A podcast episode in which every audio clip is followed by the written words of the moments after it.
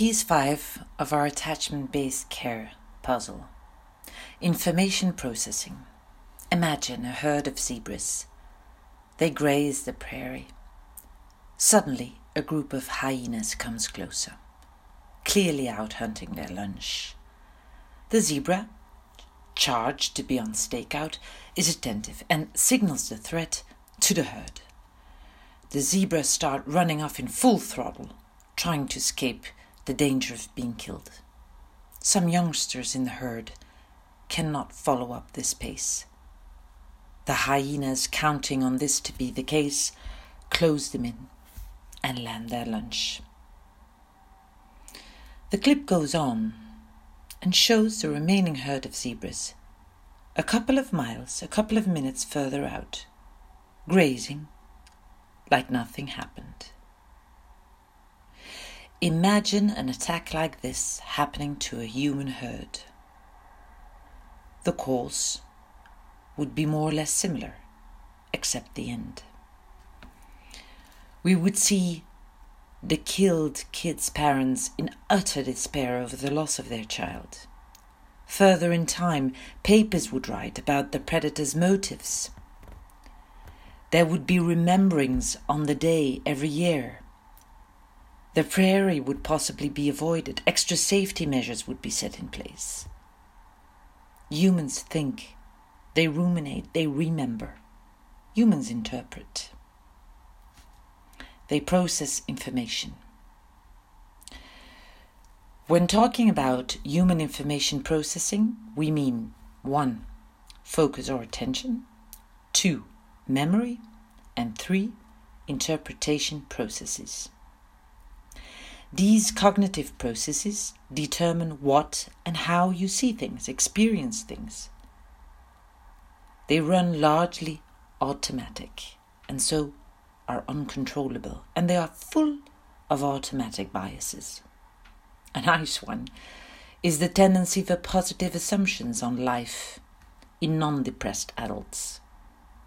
Research shows people suffering from clinical depression lack this positive assumption bias. Seems like we need this bias to cope with life.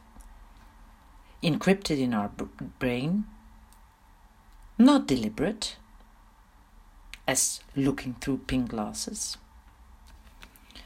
Also in difficult, resistant, defiant young people.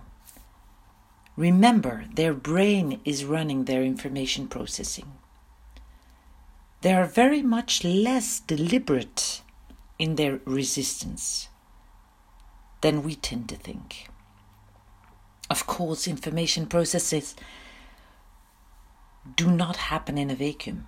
Attention, interpreting, and memory processes run inside of us, together with all the other things going on inside of us, like digestion, breathing, conscious thinking and feeling, all these processes influence one another, ending up in a hugely complex road and traffic map. An example? We know from research that our mood influences our capacity to remember things. We can easier retrieve a fun memory when we are in a spirited mood at the moment of remembering. We can easier retrieve a sad memory when we are sad in our current mood. And this is just one example of all the links between the parts of this puzzle we are laying out. Information processing also plays a role in attachment, of course. As explained in piece 4 on humans forming scripts, scripts form routes or templates for information processing everyone prefers, or better, every brain unconsciously prefers, to process information, confirming one's scripts. We don't like not being right. We don't like prediction errors. Humans like to predict. We love being in control. When the base script is secure, a child will expect his mother to protect him from an attack like we've explained. and comfort him after this has passed. The child will express his panic and horror while under attack. After returning to safety, the child will remember, probably suffer from the losses in the group, and might be anxious to go out the first time. It will probably ask help or support in exploring life again. Imagine the base script being insecure. The child having no clear idea of what is going to happen during and after the attack when in need of help. He will try and depend on his own. Afterwards, probably trying to forget or deny what has happened in order to be able to continue life. The insecurity in the base script will lead to strategic biases in his information processing, with an impact on his abilities, social abilities, for example. Interpretation of situations, others, and self will play an important role in experiences with care. Be aware that it is not only the objective quality of care as being attuned, sensitive, responsive that is at play. A young person's interpretation of care and us as carers will play as well. Maybe you've noticed this with your own children. What is experienced as caring enough by one of my sons is not nearly enough for the youngest one. I've been taught a lesson on this when talking to an adult victim of sexual abuse by his father. This man was imprisoned when I talked to him after doing the same to the child of his second wife. On the experience he lived with his own father, he told me, Ilse, it was the only way he could show his love for me. Sounds gravely distorted?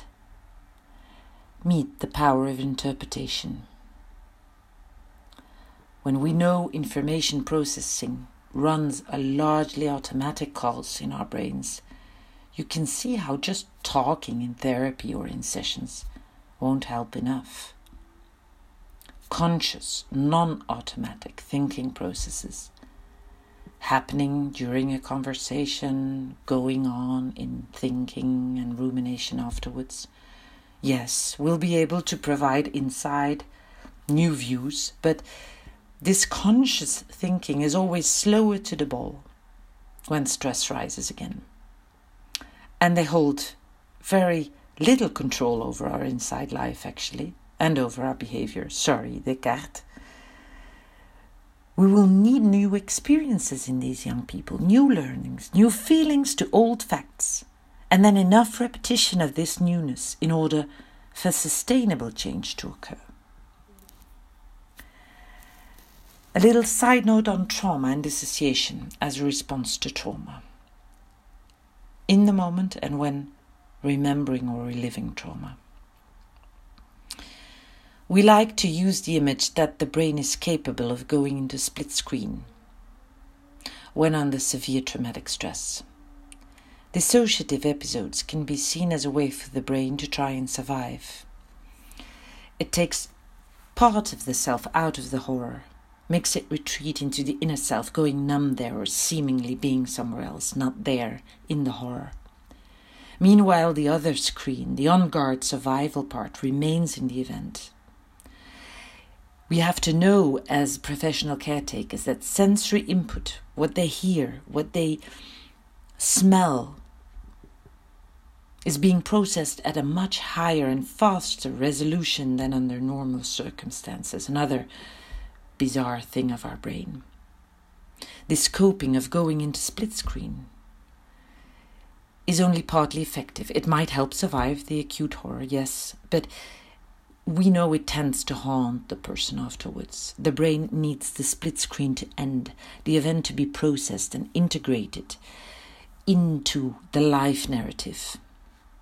Young people, when remembered to severe traumatic events due to trigger, can go into a dissociative state even years after the traumatic events. This could be seen as a disturbing way the brain tries to reprocess the traumatic event in order to integrate. Know that dissociation is tiring for the brain, it demands loads of energy, and it is fragmenting for the developing sense of self and identity. Clearly, dissociation is something to help young people with when admitted in care, in individual therapy. We note on it here briefly because in our clinical experience it is crucial to explain dissociation to parents if their child suffers from it. These episodes can be so weird, so alienating. Parents often feel totally out of control and incompetent when their child has such an episode. When parents interpret these episodes as being deliberate, theatrical drama or resistance, they can lead to new relational ruptures between parents and their child. Parents need some understanding of what happens and why, and how to support their child with this. This being different for every young person, it is best talked about within family therapy.